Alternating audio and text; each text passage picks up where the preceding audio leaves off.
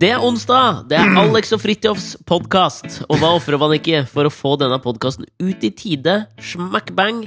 Forsinkelser er ikke min stil. Altså, Du må ikke liksom legge opp til at det er så jævla svært offer hele tiden. Jeg har ikke sagt noe om offer. Du sa 'hva ofrer man ikke for å få den ut'? Det Ja, var det, du sant, akkurat sa. akkurat det ordet jeg sa, ja. Ok. Nei, jeg bare Det var opp til andre å bedømme om det er Du et er offer eller ikke. Altså Men du hører kanskje på stemmen min at noe er ofret? Ja, men jeg orker ikke å bruke en podkast til på å snakke om hvor fælt du har det. Ikke jeg heller. Jeg har det ikke fælt i det hele tatt. Jeg Jeg har å- jeg. jeg har bare lyst til å si at uh, jeg så deg for tre og en halv time siden. Da Ja. var du frisk. Nå kom du hjem til meg. Nå har du blitt syk. Nei, men altså, jeg er bare jævla flink til å dekke over at jeg er sjuk, for det er blitt, eh, det er jeg blitt vant til. Litt som en men eh, vi, vi prata jo sammen i hele dag. Du Litt som en bulimiker som kanskje liksom prøver å skjule for familien sin under thanksgiving at den går ut for å kaste opp. Sånn er jeg med generelt immunforsvarssvikt. Som en fungerende bulimiker, tenker du på? Ja, jeg tror på en måte Jeg har et sånt bilde, eller funnet ut min sånn For jeg har et problematisk forhold til mat. Har jeg noe så anerkjent i litt eldre dager? Ja, du, du Jeg spiser er jo, en Du veit jo at jeg spiser ekstremt mye mat. Så Ja. den forbrenningsmotoren i denne lille kroppen her må jo være noe helt sjukt. For jeg burde jo vært mye, mye tjukkere. ja. Ut ifra mengden mat jeg spiser, er du ikke enig? Syns du du er perfekt proporsjonert? Nei, men jeg har liksom kort overkropp. Er det det? Jeg så meg i speilet i dag tidlig og så fant jeg at jeg har litt kort overkropp. Det er det eneste jeg har å utsette. Men er det fordi at du litt bilringer. ja, men er det fordi at du Fordi at jeg merker jo at jeg sagger jo du har det motsatte. Nei, men Du eh, har du jævlig lang overkropp. Nei, men ikke sant, jeg går jo med buksene ganske lavt på hoftene. Ja, men jeg har jo sett deg barings. Ja, men jeg er jo vant til å gå med klær. Eh, det, det gjør jeg Ja. 99% av tiden, på en Ja, måte. men Men når jeg ser meg selv naken i speilet, så er det plutselig hoftekammen som definerer hvor beina slutter. Og jeg går med buksa langt, langt nedenfor hoftekammen. Så jeg er annerledes proporsjonert naken enn jeg er med klær. Ja, men det er kanskje det. At man blir forvirra av liksom det som på en måte er gjennomsnittet av kropps... Ja, for du ser liksom, Der hvor genseren slutter, der slutter liksom overkroppen. Ja. Og det ser greit ut. Det Ja, funker. jeg er helt enig. Mens naken, så flyttes den grensen opp til nesten opp til navlen, ikke sant? Men det er klærnes eh, mindfuck, vet du. Ja, men, men før Men før Men før det så, så var, var det jo annerledes. Kanskje de gikk mer nakne før. At det er derfor når de tok på seg buksa, så tok de den opp til der hvor de følte at eh, her slutter beina. Ja, eller her starter rumpa, liksom. Jeg vet ikke. Nei, ikke her Å ja, ovenifra og ned. Ja, Her starter rumpa. ja. Fordi jeg føler at beina. Beina føler jeg på en eller annen måte at slutter før rumpa begynner, hvis du skjønner hva jeg mener? Nå må vi videre, kjenner jeg. Ja. Velkommen til Alex og Ja. Videos podkast. Altså, det, det, for det jeg bare ville si, er at uh, dette med mat eh, Dette med mine sånn matvaner At jeg tror jeg uh, Jeg tror det fins på en en spiseforstyrrelse som ikke er definert ennå. Som kanskje jeg kan være Du vet alltid sånn Hvis man er den første, så må så kanskje noe bli kalt opp etter deg. Det er jo min drøm.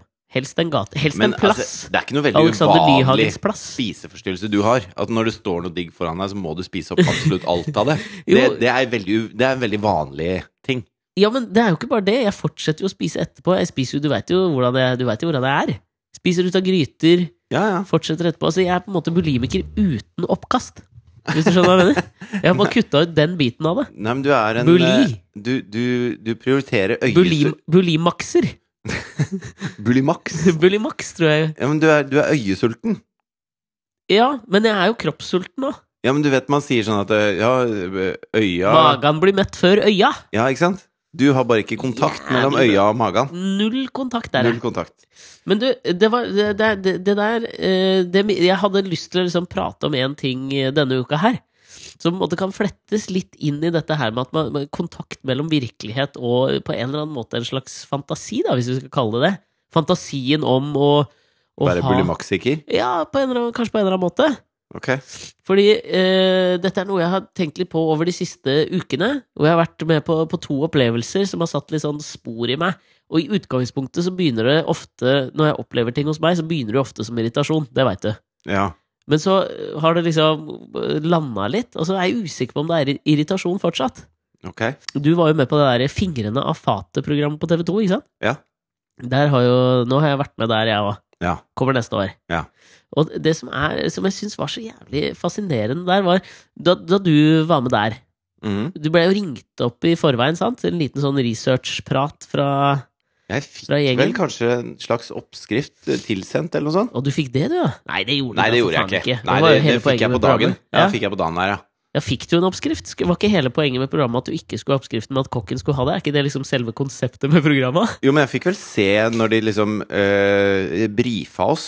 Altså, når jeg kom dit, så var det sånn øh, Ja, i dag skal vi lage sånn og sånn. Ja, du skal jeg skulle lage vårruller. Og du fikk, fikk ikke vite det før mer. du var i opptak? Jeg fikk vite at du skulle lage vårruller, ja. Men Ja, jeg visste kanskje ikke de har stramma inn litt til sesong to, da. Eller kanskje bare på meg. De visste at jeg hadde litt snøring, liksom. Skills. Kunne jo være det. Ja, kanskje. Men det som jeg synes var så fascinerende med det der, som jeg har Som er liksom første touch på en måte på det som jeg uh, Som jeg liksom reagerte litt på der, det Mm. var at jeg ble sånn ringte opp, og så skulle vi prate om hva jeg skulle være med på. Ja. Ikke sant? Og uh, det er jo ofte liksom sånn når man, når man gjør ting, eller, eller um, om det liksom er man lager et TV-program, man jobber veldig hardt med noe, eller om man liksom er hva som helst eh, deler av livet, da. Jeg kommer til å snufse litt i dag. Bare sånn, nå gidder jeg ikke å Ja, ja, ja. Det kommer til å bli litt. Ja. Så blir man kanskje litt sånn Det kan bli altoppslukende, man blir veldig sånn enspora hvis man er inne i en sånn hard arbeidsprosess eller noe, så kjenner kanskje igjen det. ja, ja. Jeg kjenner kanskje igjen det på meg sjøl, liksom, at det, da betyr liksom det alt, det du driver med, hvis du liksom fordyper deg veldig i en ting over en liten intensiv periode. Jeg er jo ekstremt dårlig på å drive med noe annet enn det som er rett foran nesa på meg. Ja, det er du helt Altså, jeg kjenner ingen som er dårligere enn deg Nei, på nei. det. Det, det er jo sånn Jeg snakka med Katrine om det her om dagen. Altså, fordi at det, du, hun ser aldri meg plukke opp telefonen og ringe til noen for å slå av en prat hvis jeg er sammen med henne. Fordi at da, da klarer jeg ikke å tenke at det fins noen andre. Og det er ikke det var, Nei, det var ikke noe sånn romantisk ment. Det går begge veier også. Altså Hvis jeg er ute et annet sted, Ja. så glemmer jeg fullstendig at hun fins. Ja? Ikke på Nei, nå, alt kommer feil ut nå. Nei, men den skjønner jeg. Jo, men det er sånn Jeg glemmer å gi beskjed sånn Ok, hvis jeg hadde sagt jeg skulle være hjemme 11, nå kommer jeg halv ett. Jeg glemmer å sende den tekstmeldingen, Fordi at det, da er jeg der, og så klarer jeg ikke å tenke at det fins noe annet rundt. Det er jo en slags bullimaxic, eh, det òg. Ja, det er, jeg le, lever nu, Jeg lever i nuet, velger jeg å kalle det. Ja, men det der er, men det er Så ja, med deg, altså. Jeg kjenner veldig igjen det med at hvis man blir sånn utrolig oppslukt av et eller annet, eh, som for eksempel en jobbting som man skal gjøre, Ja, ja. Så, så er det det eneste som er i hodet mitt. Den standardgreia der, det føler jeg som sikkert mange kjenner seg igjen. Hvis du sitter og kjører bil, eksempel, og så har du Mhm. kjørt liksom kanskje en kilometer, og så husker du ikke hva som akkurat er, altså hvordan du har kommet deg akkurat dit du har kjørt nå. Sånn Ja, har jeg det jævlig ofte. Sikkert skulle, mange som kjenner seg igjen i. jeg skulle kjøre ut Nesøya for å besøke en Oh, kompis av Halvard meg. Flatland? Bor det ikke der ute? Har du sett Halvard, eller? Siste update på Halvard? Skal bygge hotell med Buchardt oppå Gaustatoppen. Okay. Nå glir det inn for Ja, flaten, Tjalvis. flaten ruller. Ja, Men eh, ja. Jeg vokste jo opp på Nesbru, og det er rett ved Nesøya. Vi delte liksom ungdomsskole, da, med Nesbru og Nesøya. Hva er som er liksom det skissnitt sånn uh, income-messig der? Nei, Nesbru er langt under Nesøya, Ja, altså. det er det, for det er Ja. Nesøya som er liksom Ja, vi er på feil side av av lågen der. Lågen? Ja, det er en sånn en ting som deler noe. Må det være av vann? Ja, en låg er av vann. Okay. Eh, men eh, i hvert fall Låg er det Men hva er forskjellen på en låg og en fjord? Nei, en eh, låg er vel mer en, som en liten bukt. En, Ja, en fjord er jo veldig stor. Ok, Ja, en, en låg. Det var en låg. Okay. En elv. Jeg vet da søren, jeg. Ja. Men i hvert fall skal jeg kjøre ut for å besøke en kompis av meg, og da jobba jeg i Sandvika. Ja, Gitarbutikken, sånn- eller? Hæ? Gitarbutikken? Ja, gitarbutikken. Ja. Og så kjørte jeg da hjemmefra, eh, faren min, og så eh, skulle jeg ut da på Nesøya. Da kjører du forbi Var det Nesøya du skulle til. Ja. ja fra Nesbru? ja, stemmer det. Ja. Kjører du forbi eh, Ikea der, og Ja. så henne. slipper henne, Ja. Og da eh, er det en sånn derre Da kan du kjøre på motorveien, ikke sant? Og Ja. det gjør jeg hver morgen når jeg skal til jobben. Så da skulle ja, jeg nå er historisk presens, nå. Ja. Når jeg skulle Da jeg skulle til jobben. Eh, så istedenfor å kjøre videre ut på Nesøya, så av gammel vane så kjører jeg ut på motorveien. Ja. Og da får du ikke tatt av Vi er der med deg nå. Ja. Får ikke tatt av før Sandvika. Finner ut eh, liksom to sekunder etter at du er på det Ja. påkjøringsfeltet, da. Ja. Faen, ikke sant? Eh, Kjøre til Sandvika, snu, kjøre tilbake igjen. Og så må du over den samme brua på slepen der. En gang til. Tre ganger gjorde jeg det. Nei, jeg Gjorde det, eller? Ja, For da begynner jeg å tenke på noe annet. Ja, Helt krise. veldig rett. Har du noen gang også glemt eh, det, det, den, den tingen som jeg skulle til? Som jeg Kom jo merke? over en time for seint. Kjørte tre ganger til Savika. Jøye meg. Uff. Jævlig Den gangen var det dritt. 20 år siden. Jævlig interessant historie. Jeg husker den gangen for 20 år siden jeg kjørte feil. Tre ganger Ja, fy faen. på slepen! Hallo, er det noen her? Er det noen som hører på? Anne Er du her fortsatt? Det var gammel. Ja. Jo, men har du også noen gang glemt sånn Hvis du er jævlig oppslukt av en ting, det er det jeg får også sånn sinnssykt dårlig samvittighet over, så, så glemmer jeg at jeg har barn. det har jeg glemt noen ganger. Og okay. den, den, den merker jeg, den svir mer på pungen. Når Mm. jeg kommer på at herregud, jeg er jo velsignet med to uh, flotte barn. Så har jeg Ja. glemt det. kan jeg ha glemt en hel dag på jobben, liksom. Ja. Og den da får jeg sånn, merker jeg får sånn dårlig samvittighet. Du får ikke dårlig samvittighet til å kjøre tre ganger feil på slepen. Hvordan, eh, hvordan glemt det? Betyr det at du ikke har tenkt på barna dine? For det, det syns jeg det er helt naturlig for meg. Ja, men kanskje også at jeg til og med har gått til det punktet at jeg på en måte kanskje har planlagt å gjøre noe etter jobb som ikke er forenlig med det å hente i barnehage, liksom. Å, sånn, ja. Å, ja, kanskje du jeg skulle stikke og tatt en pils etter jobb i dag, liksom. Skjønner du hva jeg mener? ja, men er det sånn Tenker du av og til at du er singel også når du er på jobben? Da? Nei. Akkurat det glemmer jeg ikke, for det er sånn veldig sånn lett å huske. Ja. Men det med barn forholder seg jo ikke på en måte sånn til noe du opplever på jobb. Nei. Skjønner du hva jeg mener? Ja. Har du aldri Jeg har aldri tenkt over at jeg har glemt at jeg har barn. Føler jeg meg litt som han Paul Rudd da han satt i møte med Judd Apatow og sa han drømte om at kona daua? Ja, det, nei, jeg, Det er litt aldri- usexy, akkurat det der, altså. Ja, men, eh, men det er lov å ikke tenke på Det er lov å ikke bli en sånn fulltidspappa, på en måte. Ja. Når, du, når du gjør andre ting, så kan du slippe å være pappa. Ja, det er for så vidt litt greit, det òg. Ja, jeg syns det er ålreit. Ja, ok, men da får jeg ikke dårlig samvittighet lenger. Ikke ha det. Nei, men det skulle til da, det ble jo ringt opp fra disse som skulle lage eh, fingrene av fatet jeg jeg skulle, skal være med. Ja. Tror du kommer på TV neste år? Jeg skulle konkurrere da mot uh, Noman Mubashir. Ja. Eh, Hva har vi på Noman Mubashir? Ikke en dritt. Har du ikke? Har du noe, eller? Ja, kanskje først, Var han først kjent gjennom Migrapolis, eller? Kan det Ja. stemme? Er han ikke jævlig velkledd type? Eh, eh, Veldig velkledd, Han har vunnet masse priser for det. Har han masse? Ja, eller noe sånn L, bestkledde mann. Føler at han på et eller annet tidspunkt har vært noe bestkledd mann. Han Ja. har jo en vågal stil hva gjelder farger, føler jeg, men uh, han kler det. Velkledd uh, og Han veldig det groomed, Ja, har jeg en følelse av. ja. Noman Mubashir har ikke hår på steder han ikke er klar over at han har hår.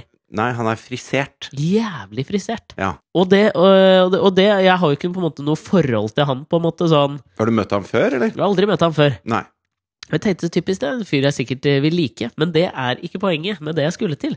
For når du blir ringt opp da, så, så, så skal de liksom forklare deg hva de skal være med på og sånn. Han som ringer meg opp, kjempekoselig fyr, og dette er på en måte ikke noe vondt ment mot de som lager det, men det fascinerte meg, fordi det, det han til stadighet gjentok til meg på telefonen mm. da vi skulle inn i dette her, er liksom Ok, nå er det bare å liksom gjøre seg klar, for nå skal du få bli med på den her galskapen vår her.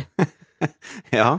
Og der, du kjenner meg, Ja. da veit du at akkurat der ja. da blir jeg, og det, Min første intuitive tanke er der blir jeg irritert. Fordi han, du føler at han sitter og føler at dette er det feteste som noensinne er gjort, liksom? Og om ikke Også feteste. litt sånn crazy. men crazy. Crazy Altså, bli med på liksom- galskapen vår! Jo, men det er enda verre når folk sier Fy faen, det du skal være med på nå, det er helt crazy. Ja. I utgangspunktet så tenker jeg sånn Det hater jeg at folk sier. Skal jeg si deg, altså jeg kan komme på ganske mange ting som ville vært crazy. men jeg crazy. tror når man er inni en sånn boble, da, Ja, for det er det, for det er det jeg så lurte på. tror jeg man til slutt tror at dette er helt crazy. Jeg, altså, jeg så på eh, Vi hadde jo en fyr innom eh, dette TV-programmet vårt som var sånn eh, pilotdeltaker. Ja, Forklare pilotdeltaker. Ja, altså før man lager eller, Veldig ofte når man lager et helt nytt konsept, så Ja. lager man noen piloter for å teste om det funker, og hva som eventuelt er barnesykdommene man må luke vekk. Det er testprogrammer, på en måte. Ja, og da har man jo testdeltakere, og han ene deltakeren har snakka om en sånn dokumentarserie på Netflix som heter Fairless. Den har jeg nå sett, da. Ja. Altså, Og- Fearless han, han solgte den jo inn ekstremt høyt. ikke sant? Det handler om amerikansk rodeo-kultur. Ja, bullriding. Ja. Altså folk som rir på okser. Ja. Og så sa han bare se ti sekunder av første episode, så lover jeg deg Du blir blown away, ass. du blir blown away. Ja, Og jeg så ti sekunder. Jeg ble blown away. ja blei du det? Ja, jeg lå oppe en Jeg lå opp til fire om natta og så på Ja, bullriding. du? Ok, men da er det jo akkurat det motsatte. Det. Ja. Men, men poenget var Fordi det er altså Det er det suverent farligste sånn, Det er helt sinnssvakt å drive med. MMA er sånn pusesport i forhold til hva de gutta gjør. Og de oksene er jo De veier jo 600 kilo, ikke sant? Ja, ja. Og Og så de blir jo binder du opp uh, pungen deres, så de får grisevondt. Det var det ikke noe fokus på der, men det Ja, kan men de det. det er jo derfor de oksene er helt gærne. Det er jo fordi de det- binder pikken og pungen. Okser er ikke så glad i å bli ridd på. Det er også mye av grunnen til at de er veldig gærne og prøver å kaste han fyren, og blir helt rolig med en gang han havner i grusen. Se der har du forskjellen på eh, okser dyr og hannokser som meg, si. Nei! Så du det. Du og de der Nei, så bare fortsett. Ja, ok. Men i hvert fall, så du blir helt hekta på det, fordi at Ja. det, er så, det er så intenst. Og du, i hvert fall jeg syns det, det var grisefett. Så på det. Ja, Og så kommer Netflix opp og anbefaler, da. Ikke sant? Etterpå, når jeg var ferdig med sesongen. Var det, er det en dokumentarserie? Ja, det er en sesong. Ok. Eh, jeg ble sesongen? ganske fort ferdig med den sesongen. Okay, okay. Droppa litt nattsøvn av det. Syns det var greit. Ja, så. Eh, men i hvert fall så anbefaler jeg noe. Nina Simone-dokumentar. Nei, og den neste dokumentaren som dukka opp, for da var det liksom inne i ekstremsportverden, da, Ja. eh, var en dokumentar om han fyren som har vunnet eh, flest crossfit-mesterskap. Crossfit, hva er det igjen? Nei, det er sånn derre hvor du liksom er så Du er så god form. Kettlebells? Ja, kettlebells og løfte noen bilhjul og noen vekter over huet og flest mulig og Du skal liksom bare være i grisebra form, da. Crossfit, da tenker jeg sånn sirkeltrening, jeg. Ja, men det er litt det. Ja, Sånn ordentlig tung sirkeltrening, da. ok.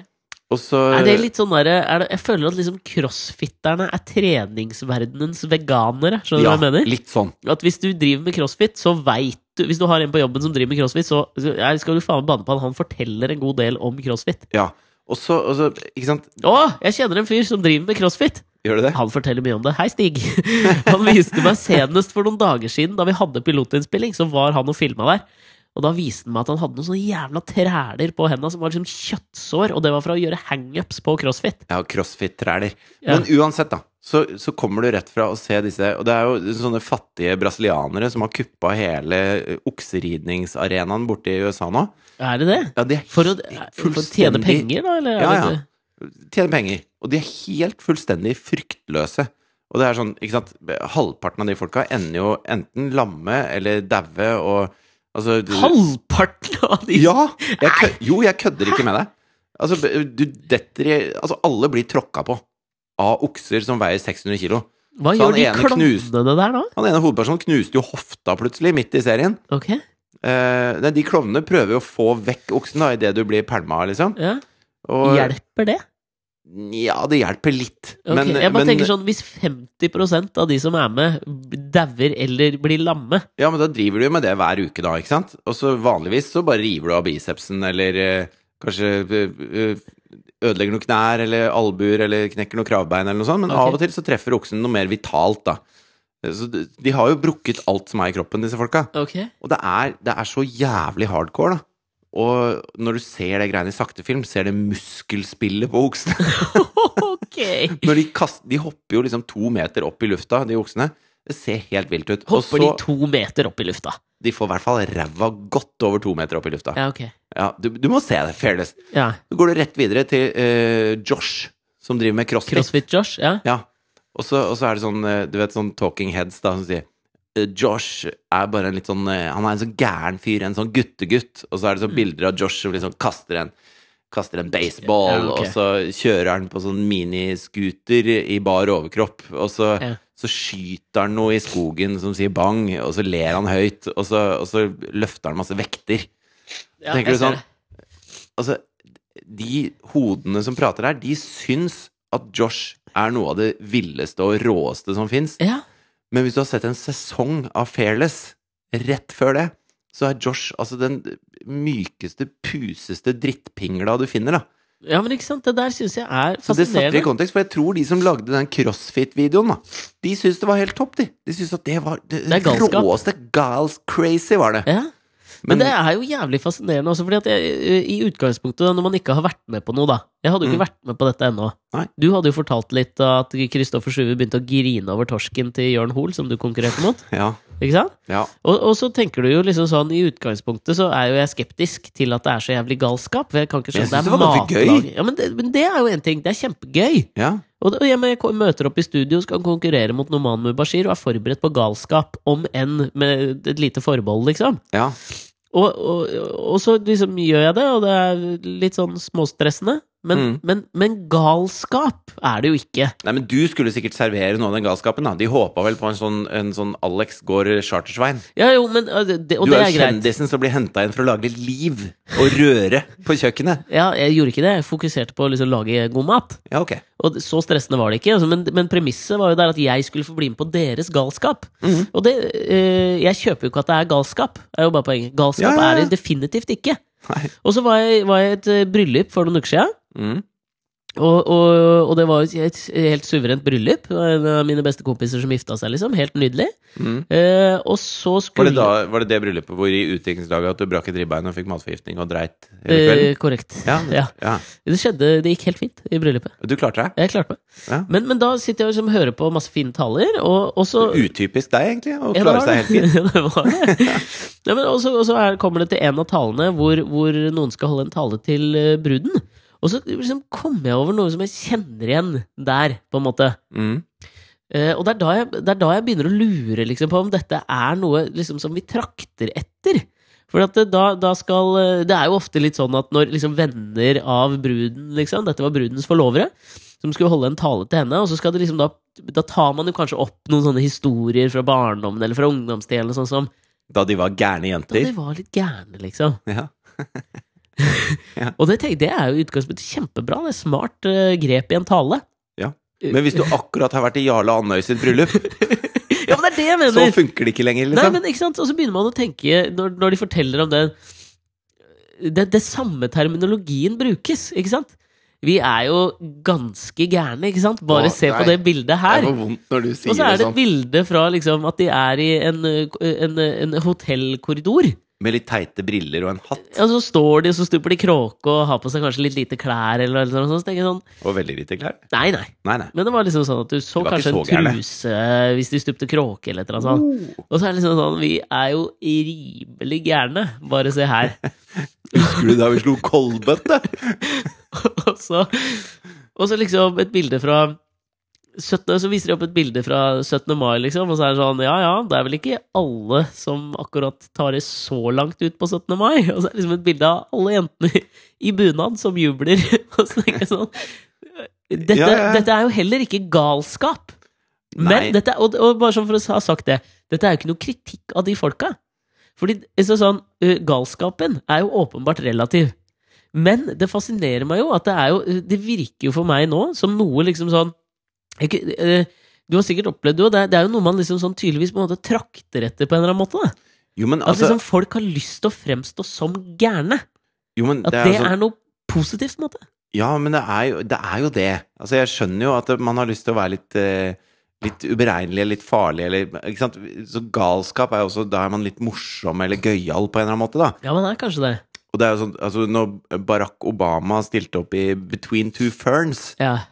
Det var jo helt galskap at en amerikansk president gjør det. For Ja. han skal bare stå der og være en amerikansk president. ja. Mens Barack Obama begynte å stille opp i ganske mye greier. Og når han hadde gjort det et par ganger, så var det ikke så galskap lenger. For han er jo bare en Han er en ganske kul fyr. Ja. Men en helt vanlig fyr, liksom. ja, han er en kiss. Ja, han er en, en kul dude, da. Ja. Og det er, det er også som å si crazy, vet du. ja, det er det. Så, så alt er jo liksom innenfor sine eh, rammer. Mens uh, Chartersvein, for eksempel, han kan jo være helt klin hakke gæren, og det er ingen som ser på det som galskap, for det er jo Chartersvein.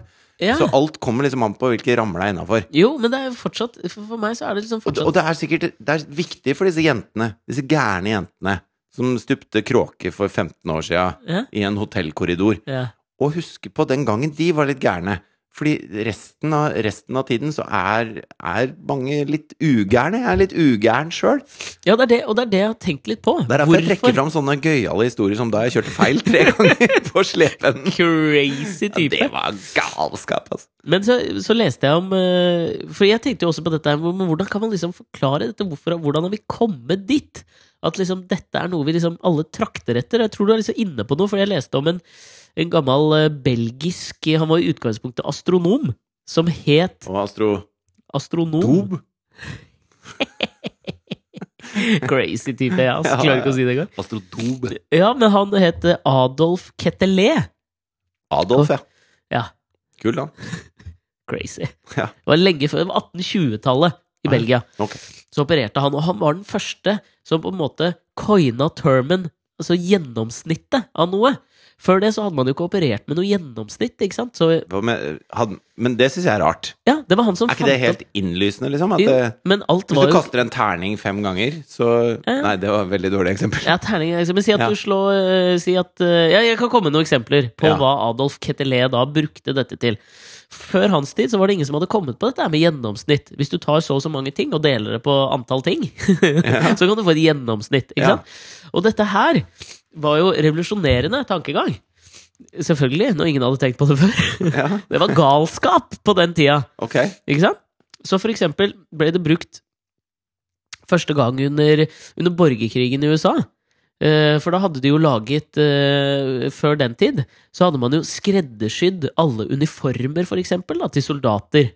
Det var jo kostnad, veldig høy kostnad på å skreddersy eh, uniformer. Ganske dumme før, altså. Ja, de var jo det. Ja. Men tenk deg det. Du skal ha dritmange soldater. Alle får personlig skreddersøm på, øh, på uniformen sin. Det er jo ikke rart man gikk til krig, og så møttes man i et slag sånn to år senere. Men det, han, det, det de brukte Ketelés tankegang til der, da, var jo selvfølgelig å måle størrelsen på alle de forskjellige soldatene. Fordi i den amerikanske borgerkrigen så var det jo enormt mange soldater. Ja. Og det de fant ut da, var at ok, dette kan vi egentlig dele inn i sånn forskjellige størrelser. Og da lagde de small, medium og large. Og det er der det kommer fra. Det er noe vi fortsatt går med den dag i dag. Baserer seg på Ketelés tankegang om Men den amerikanske borgerkrigen var jo etter eh, den franske revolusjonen. Ja. Og den franske revolusjonen eh, kom jo også av eh, størrelseskrangel. Den f- franske revolusjonen kom av Blant størrelseskrangel! Ja, den gjorde det! Det er helt sant! Utdyp! Jo, fordi at det, det var jo eh, sultkatastrofe, ikke sant? Altså, det hadde jo vært eh, dårlig høst. Ja. Hva det nå? Whatever. Og tørke eller jeg, jeg vet, Det vet jeg ikke. Men det var lite mat, da. ja. Og folk var misfornøyd. Ja. Og eh, så var det sånn at eh, et brød kosta liksom Si det kosta et frang, da, for et brød. Ja. Og, og måten de som solgte brød, løste det på, Ja. var at de bare lagde mindre og mindre brød etter hvert som det kom mindre og mindre korn. Ja.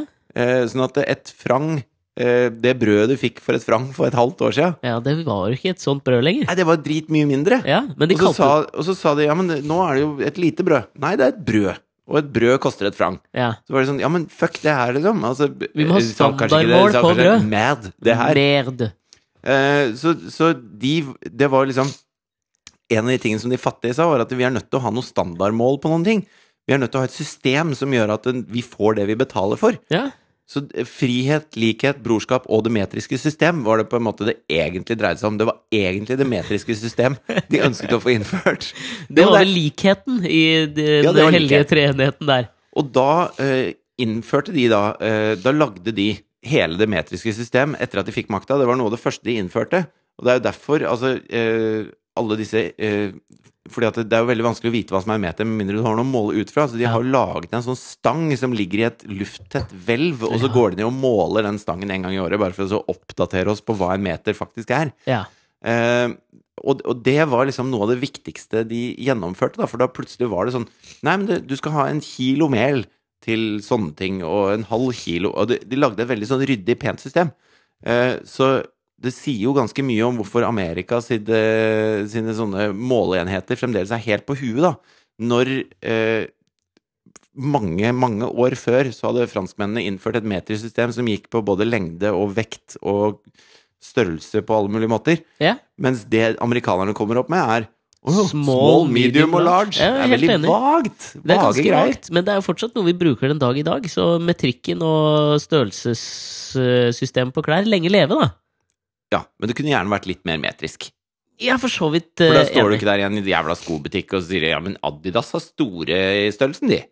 Eh, ja, men det er jo ikke small, medium og large på sko.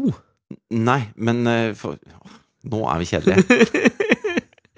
Uansett. Ketelé. Det var liksom en del av eh, arven hans. Men det andre som, som, som i dette her, som jeg tenker liksom kan være med å forklare galskapens relativitet, på en måte. Ja. Det kan jo være det at det, alt, som, alt som vi har, har lært av denne belgieren, er jo på en måte at vi måler ting ut fra et gjennomsnitt. Han var belgier. Ja, fy faen. Ja, men Hvordan fant amerikanerne ut at de skulle lage small, medium og large pga. Ketelé da? Han bodde jo på andre siden av kloden. Forskningen spredte seg til, tror jeg, sør i California. Okay, Eh, omtrent. Ish. okay. Rundt uh, Culver City, eller om det var rundt Burbank, eller noe sånt noe. Okay. Um, for de brukte det også i eh, jagerfly på et senere tidspunkt. Bare sånn en liten fun fact der.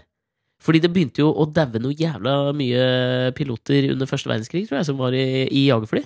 Ja. Kan hende at La oss si at det var første verdenskrig, da. Ja. Uh, og så skjønte de jo faen ikke hvorfor, hvorfor dauer de hele tida. Fordi da hadde de jo liksom bygd én eh, Sånn ser cockpiten ut, liksom. Ja. Ikke mulig å justere noe. Det er jo utenkelig, kanskje, for oss. Eh, Fordi da var det en fyr som videreførte Kettles tankegang, som jeg tror het Gilbert Daniels, som fikk i oppgave å gå og liksom måle gjennomsnittet på alle disse eh, soldatene som var oppe i jagerflyene, for å finne ut liksom sånn hvorfor styrter disse jævlene liksom hele tida? Er er? Flysoldater, liksom? Det var før de het piloter, Ja, piloter. Ja. Hvem var det som fant opp det? Du som kan alle navn? Nei, det var Det var Henri Pilot! Ja. Franskmann. Ja, ja. Ja. Uh, og så fant han jo ut at gjennomsnitt er jo vel og bra, men hvis vi lager alt utenfor gjennomsnitt Det er jo veldig, det er jo liksom veldig få, miniskul antall prosent eh, av disse pilotene, eller soldater, som noen vil kalle dem, som faktisk treffer akkurat på gjennomsnittet. Ja. Ikke sant? Så det var derfor de også fant opp det justerbare setet, justerbare pedaler, justerbart ratt og sånn, og da slutta de med å krasje og daue, og de var kjempegode i å krige. Døde de av at det var litt trangt i setet? Ja, men de traff rakk ikke fram til knappene. ikke sant? I et jagerfly så har du et nanosekund å reagere på, kompis. Test den viktigste knappen da, før du setter i gang. Ja, men det, hvis du ikke kan justere noe, så hjelper det jo fint lite, det. Det var dårlig tid. Det var Som dårlige sagt, de var dumme før, altså. De var jævla dumme før. Men uansett, ikke sant? hele eh, tankegangen om gjennomsnitt har vi jo basert veldig mye av vår eksistens på. Du blir alltid målt opp mot gjennomsnittet, standardiserte prøver på skolen, sånne ting. ikke sant? Ja, ja. Det er det jeg tenker kanskje har gjennomsyra vårt uh, hele vårt levesett. da. At vi hele tiden måler oss opp mot et gjennomsnitt som egentlig ikke eksisterer. Men med en gang vi har fordi, så, så alle vil på en måte ha et avvik fra det som vi opplever som gjennomsnittet. Derfor føler vi alle at vi innehar denne lille galskapen fordi vi ikke er på det som liksom er normalen. Rimelig dypt, solid teori, eller? Er bunnsolid. Eh, man kunne jo også bare sagt at eh, blant de jeg pleier å omgi meg med, så er dette galskap. Å slå koldbøtte. altså, det, det er jo, det, det er jo egentlig det du brukte 20 minutter på å si. Ja. Ja.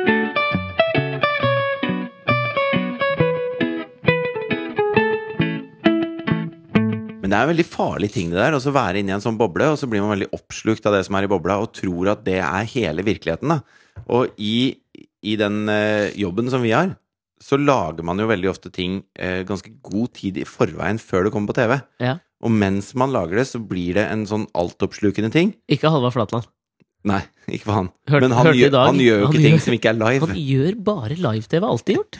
Ja, Nei, jeg, jeg, har alltid gjort. Han har aldri gjort noe i opptak. Ja, det er det jeg begynner å tenke på. Casino gikk jo live. Ja, ja. Men han har gjort mer enn kasino. Skal vi danse? Live.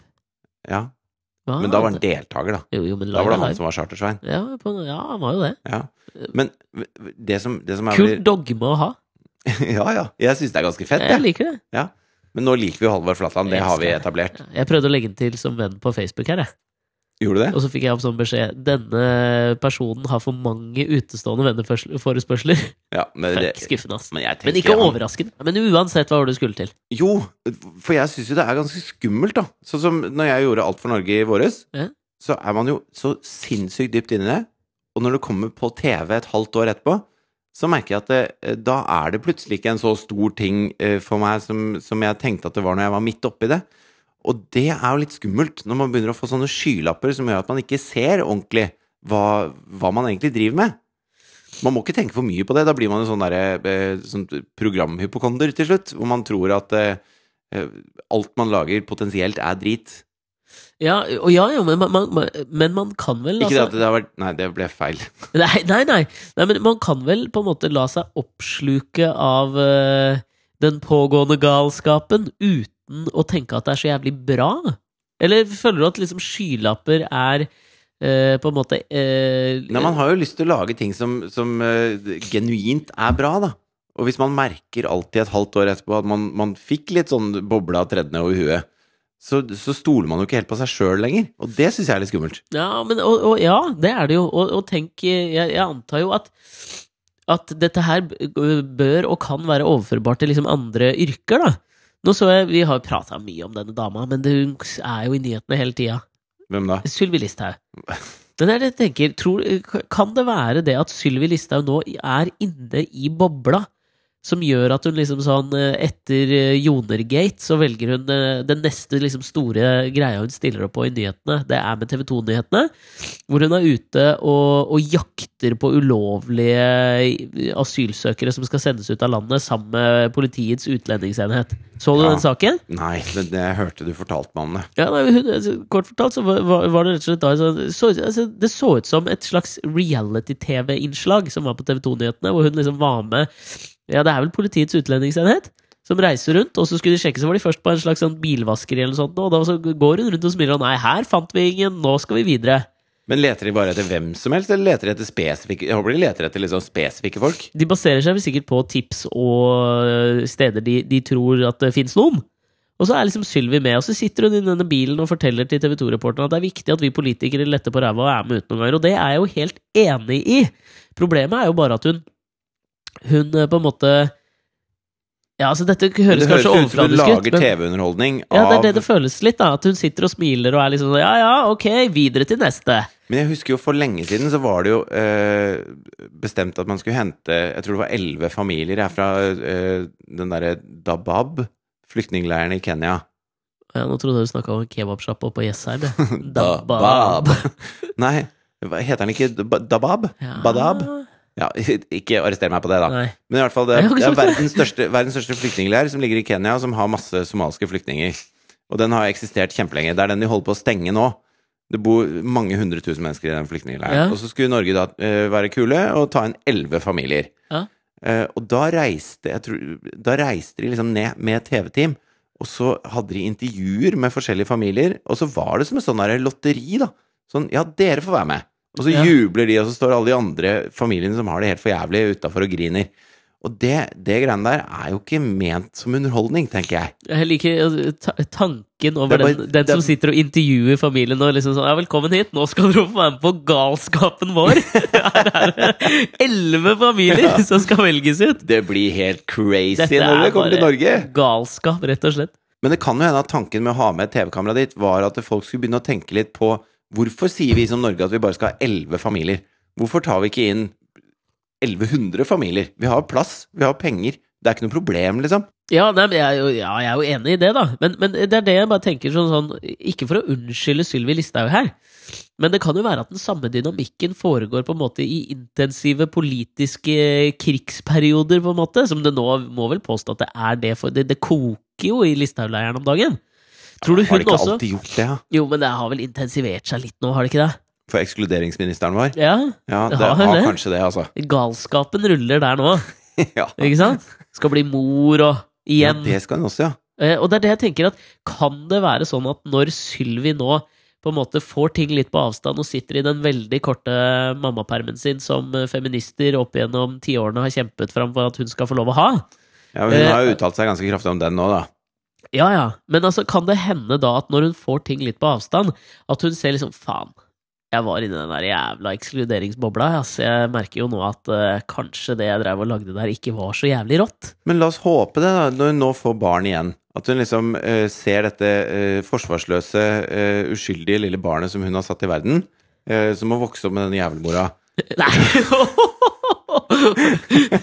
oi, oi, Nei, men hun ser sitt uskyldige lille barn, som hun, som hun da liksom har følelse for og tenker dette, jeg må beskytte barnet mitt, og jeg, jeg kjenner inni meg den, den eh, gleden det er ved å kunne se dette lille mennesket på en måte vokse opp og bli stor. Jo, men du har jo barn fra før. Du burde ha Jo, men kanskje du har glemt det nå, da. Ja. Men eh, kanskje, kanskje den følelsen Kanskje når, neste gang hun ser da en syrisk familie som står med, med et barn og gråter fordi de Ja. har ikke mulighet til å gi barnet sitt mat Kanskje hun da liksom Kanskje det tenner, en liten flamme i henne? Ja, vi kan jo håpe det. Vi må jo håpe det. Ja, altså, i, i liksom sånn eh, Sammen med det at hun får liksom bobla litt på avstand. Jeg merker jo det liksom, når vi har laga noen programmer hvor vi på en måte har vært ute på veien jævlig lenge om gangen. Så blir man jo Man blir jo revet med. Du glemmer jo verden på utsida. Ja, og det, er, det kan jeg tenke at kanskje Sylvi Listhaug også gjør nå. Og hun har jo Altså, jeg ser jo på henne som, eh, som eh, på en måte eh, litt ond. Men, eh, men jeg gjør det. Ja. Eh, men hun har jo helt klart sine forklaringsgrunner. Altså Det hun sier, er at vi får mye mer ut av de pengene hvis vi bruker det på der de er, ikke sant? I nærområdene. Ja. Snakker hun om at hvis vi ikke hadde tatt inn de, så kunne vi brukt så og så mange millioner på folk i nærområdene, og da kunne vi hjulpet mange flere. Men problemet er jo at når det plutselig ikke kommer så mange flyktninger, f.eks., så bruker de jo ikke de pengene på folk i nærområdene. Det er der problemet da ligger. Altså Hvis hun har en slags retorikk som hun støtter seg på, som, som skal vise at hun gjør det ikke for å være slem, hun gjør det for å hjelpe flest mulig, så må hun jo gjennomføre det, da. Det er på en måte det viktigste her. Ikke bare tenke 'hå, der sparte vi de penga', for da, da blir det bare vondt igjen. Ja, jeg veit det, men, men jeg, jeg lurer på liksom sånn Jeg begynner å tenke Altså, det, er jo jævla vanskelig. Eh, Det, det er jævlig vanskelig når du står liksom inne i bobla og klarer å ta det skrittet ut. Utenfor, utenfor bobla. Det er jo, som vil jeg påstå, liksom så å si umulig. Ja, ja. Når du først er inni det. Men jeg tenker på den Jeg kommer til å tenke på den ene En én historie som er jævla god om uh, Beatles. Eh, apropos dette med bobla, liksom, å klare å ta det skrittet utenfor. Fordi rett før eh, Beatles slapp på en måte den banebrytende Sgt. Pepper-skiva Mm. Før det så hadde det jo på en måte vært egentlig litt sånn popband med, med unge ungpikeidoler, ikke sant? Med, med litt langt hår, og det var liksom kjærlighet i tekstene, og de var liksom Men det var rock'n'roll også, men liksom. på den tida var det rock'n'roll, men de var jo liksom ikke De var jo litt sånn, begynte jo å bli litt lei av dette her å, å De var ikke så på crazy. Nei, ja, de, altså, de, de, var jo lei av å måte stå på konserter, og ingen hørte på musikken. Det var jo ikke, Nei, nei. De slutta jo å spille live, ikke sant? for det var jo ikke noe vits. De Men det var jo ikke det at ingen ville. hørte på musikken. Det var det at ingen hørte Ingen musikken. hørte musikken. Ja. Så det var jo, de gjorde det jo ikke sjøl heller, så det føltes liksom bortkasta. De var liksom litt sånn lei av den greia der, og hadde liksom lyst til å, å gjøre noe hadde jo egentlig lyst til å gjøre noe litt nytt, men de mm. sto jo midt i, kanskje liksom, ville jeg påstå, i musikkhistorien, kanskje den liksom største bobla, kanskje i tillegg til Elvis, bare, ikke sant? Eh, Michael Jackson klarte vel å surre seg ganske godt inn i en liten boble også. Jo, men liksom, han levde jo ikke i 1967, Nei, det gjorde han ikke sant? Så fram til det, liksom, kanskje den største, liksom, kall det reality-bobla, som hadde fantes, funtes, fintes til da, ikke sant? Ja. Det var jo enormt. Hvordan Ja. faen skal vi klare det? Eh, og og det, det som skjedde, var vel at Paul McCartney satt på et fly eh, fra Han hadde vært på en eller annen ferie sammen med manageren deres. Mm. Det de, jeg tror faen meg han hadde vært i Afrika. Kan ha vært han var i Kenya?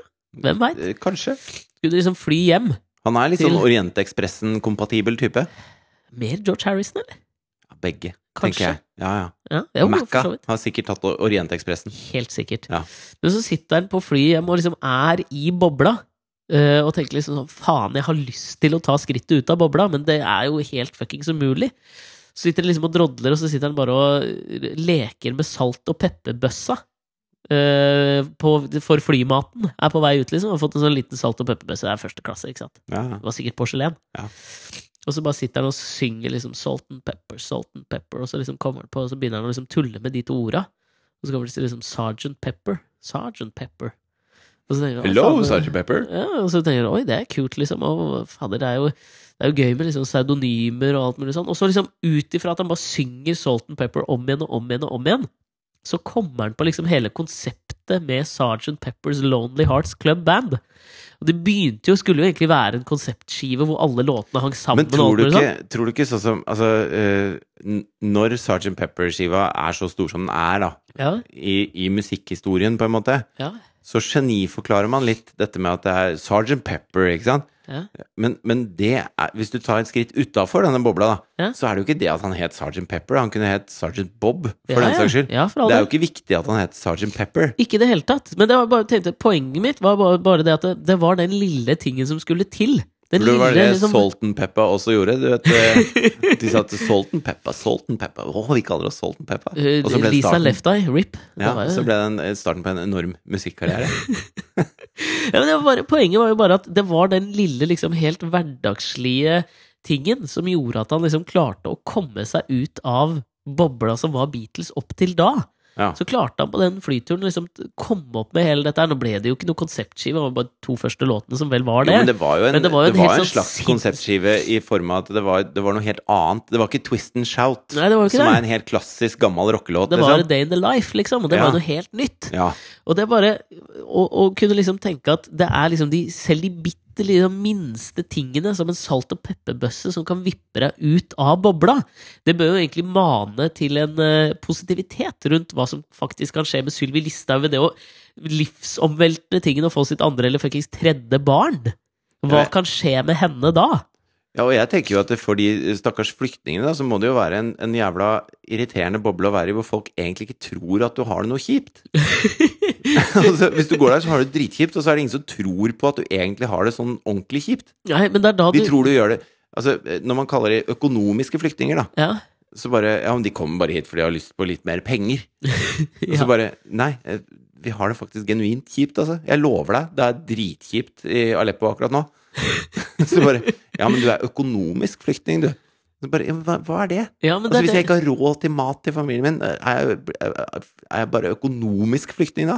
Er Ja, det bare fordi jeg vil ha litt mer, liksom? men det hadde jo vært fint om vi kunne liksom funnet den ene tingen, den ene fellesnevnertingen som kunne vært vippe ut av bobla-saken. Men jeg merka jo det. Altså, jeg hadde øh, Jeg sto på kjøkkenet her, Ja. og så merka jeg at det var noe som gjorde at sokken min hang litt fast i gulvet. Ja. Og så eh, trodde jeg først at det var Jonathan som hadde grisa noe, ikke sant? At det var noe gammelt jordbærsyltetøy eller et eller annet. da. Ja. Og da for å kjenne etter, ikke sant, så stryker jeg foten sånn fort over gulvet for å kjenne hvor var det det var. Da har jeg henta en klut, ikke sant. Og så får jeg selvfølgelig flis da i stortåa, for det var jo ikke jordbærsyltetøy, det var jo en flis. Ja. Og den gjorde eh, overraskende vondt. Ja. Og jeg, jeg har jo hatt sånn øh, En gang jeg tørka kjøkkenbordet for lenge siden, så fikk jeg en flis i hånda. Og, og da fikk jeg jo blodforgiftning, som er grisefarlig. Så liksom to timer etterpå så plutselig kom det sånn blåsorte streker nedover armen min, og da, da dro jeg til legevakta, og de bare 'Det var jævlig bra at du kom nå'.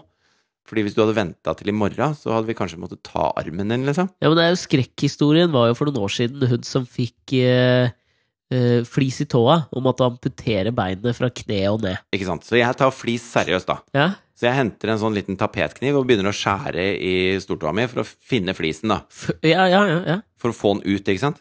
Og når jeg prøver det, så, så vet du, du klemmer sånn bakenifra for å prøve å dytte den opp igjen av inngangssåret, ikke sant? ja, ja. Og hver gang jeg gjorde det, så gjorde det helt sånn for jævlig vondt, da. Sånn Ja. overraskende vondt, liksom. Og jeg har fått flis mange ganger. Ja. Så jeg sitter på kjøkkenet, og det er liksom unger, og Katrine holder på med et eller annet, og så øh, begynner hun liksom sånn herre Ja, men, øh, nå må du huske å henge opp jakkene der inne. Hvor jeg bare Ja, men faen jeg, jeg, er jeg, driver og skjærer meg selv i tåa, liksom. Jeg har, det gjør dritvondt. Jeg har fått flis. Hun bare Ja, ja. Og så fortsetter med sånne ting som jeg ja, Har du huska å gjøre ditt og datt, eller hva skal vi gjøre neste sommerferie, eller sånne ting som jeg bare Ja, men jeg, jeg klarer ikke å tenke Jeg kan ikke ta stilling til det nå. Jeg har det vondt. Ja. Ingen tror på meg. Og hva skjer? Jeg vet ikke. Når jeg finner den flisen, så er det ikke en flis. Det er en lang spiker. Altså, den er liksom to centimeter lang, da. Hvor hodet på spikeren er blitt kappa av. Så da sitter jeg der og har genuint vondt. Og det er først etterpå de skjønner det. Og det er sånn flyktningene føler seg nå. Ja, så uh, Listhaug trenger å se den flisa deres. For å skjønne det. Things that didn't make the cut.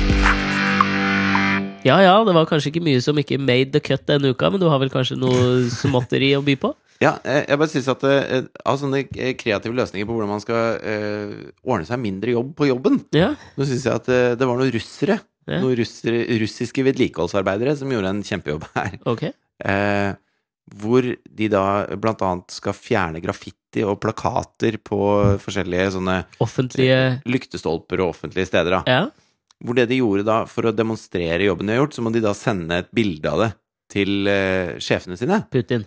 Ja, Putin. Ja. Alle har bare én sjef i Russland. Ja. Og det fins kun forskere sør i California. Ja.